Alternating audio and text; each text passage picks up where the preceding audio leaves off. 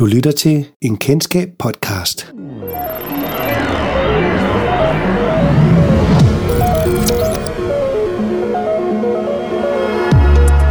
Jeg hedder Tine, og jeg har i dag Sandra med i vores øh, podcaststudie. Vi skal tale om Pinterest. Hej Sandra. Hej Tine. Velkommen til. Tak. Hvis vi nu sådan skal starte helt oppefra, hvad er Pinterest så? Jeg tror, at det, der er rigtig vigtigt at sige om Pinterest, det er, at det ikke er et socialt medie. Pinterest det fungerer faktisk som en form for visuel søgemaskine. Hvis man er ude og efter inspiration, for eksempel til en soveværelse, så søger man efter soveværelse, så kommer der en masse billeder frem, som er med til at inspirere en til ens kommende projekt.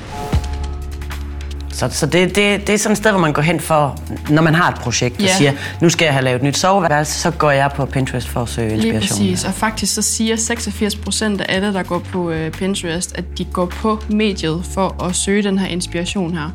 Så der er rigtig mange, der faktisk er i den her købsbeslutningsfase, øh, inden de går på Pinterest, fordi de ved, at de har behovet for at, og, og mangler det her produkt her til deres projekt. Man kan jo rent faktisk også skrive til hinanden på Pinterest og sende beskeder. Så det er ikke, det er ikke, det er ikke et socialt medie, men Altså det er ikke sådan, at man kan sende en direkte besked, som man ligesom for eksempel kan på Facebook. Man kan gå ind, og så kan man øh, like et opslag, øh, komme med en reaktion, og så kan man kommentere på selve opslaget. Men det er ikke sådan, at man sender en, en direkte besked. Så hvis man nu er virksomhed, hvordan arbejder man så med Pinterest? Både organisk og betalt. Altså det, der er lidt en, en ting med Pinterest, det er, at øh, det organiske og det betalte går meget hånd i hånd. På Pinterest, der lever et opslag faktisk i op til 3-4 måneder, hvor et opslag på for eksempel Facebook lever i et døgn max, øh, og det samme på Instagram. Man skal ikke bare annoncere på Pinterest, man skal også arbejde med det organisk, fordi der er en langsigtet værdi i det, i at man når folk de søger efter en ting, som for eksempel soveværelse, så efter lang tid, så kommer ens opslag stadigvæk frem, så man Ja. lever i lang tid.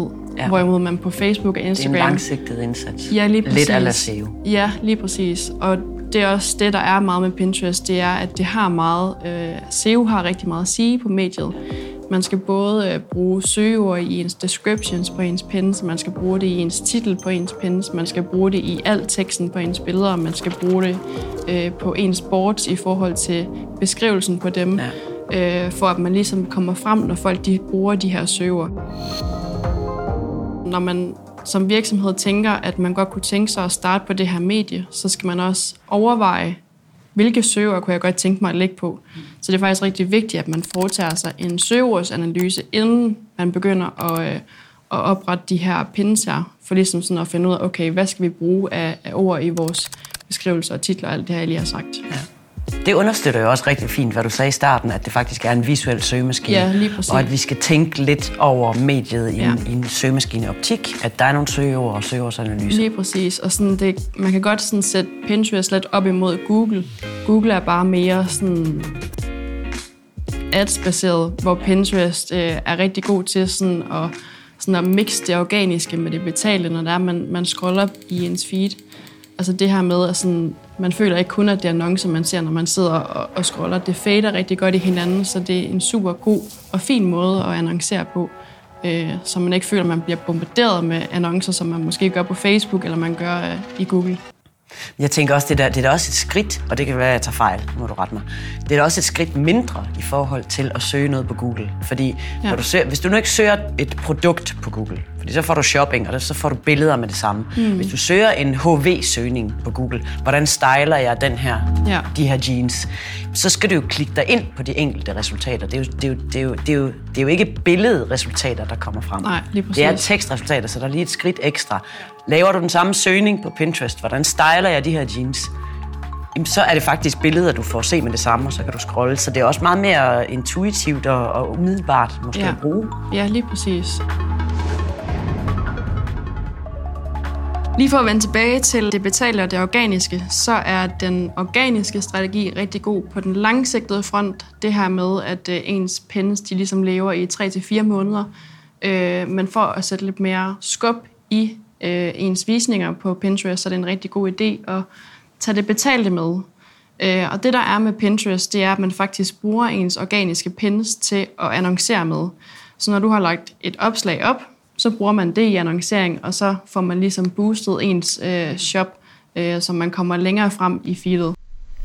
Så når der er, du for eksempel søger på planter til haven, og du har lagt øh, en pinde op, som øh, øh, har de her søger i, og som du har målrettet øh, planter til haven øh, i din annoncering, så kommer du meget længere op i feedet, øh, når folk de søger efter det. Eller hvis de tidligere har vist interesse for, for havearbejde eller planter eller sådan noget, så går den automatisk ind i algoritmen og ligesom får dig frem i, i feedet, når der de bare ser ud på deres startside også.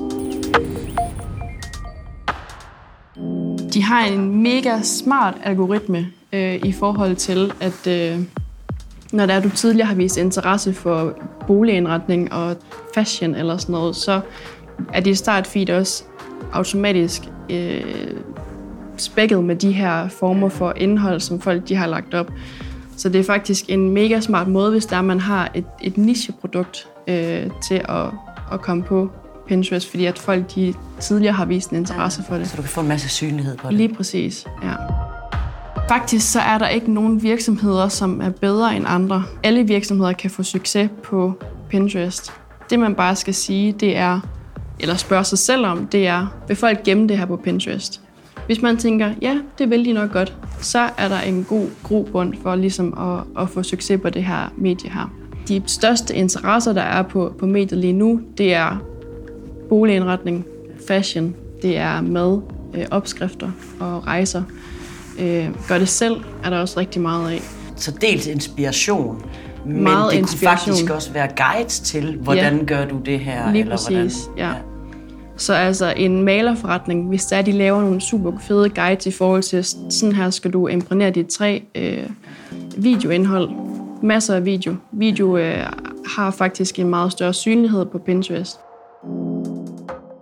Så hvis jeg som virksomhed gerne vil i gang med Pinterest, hvordan kommer jeg så i gang? Som jeg nævnte tidligere, så øh, altid foretage en søgeordsanalyse inden, så du ligesom ved, hvilke søgeord du godt kunne tænke dig at lægge på. Og det kan man øh, gøre igennem Pinterest selv.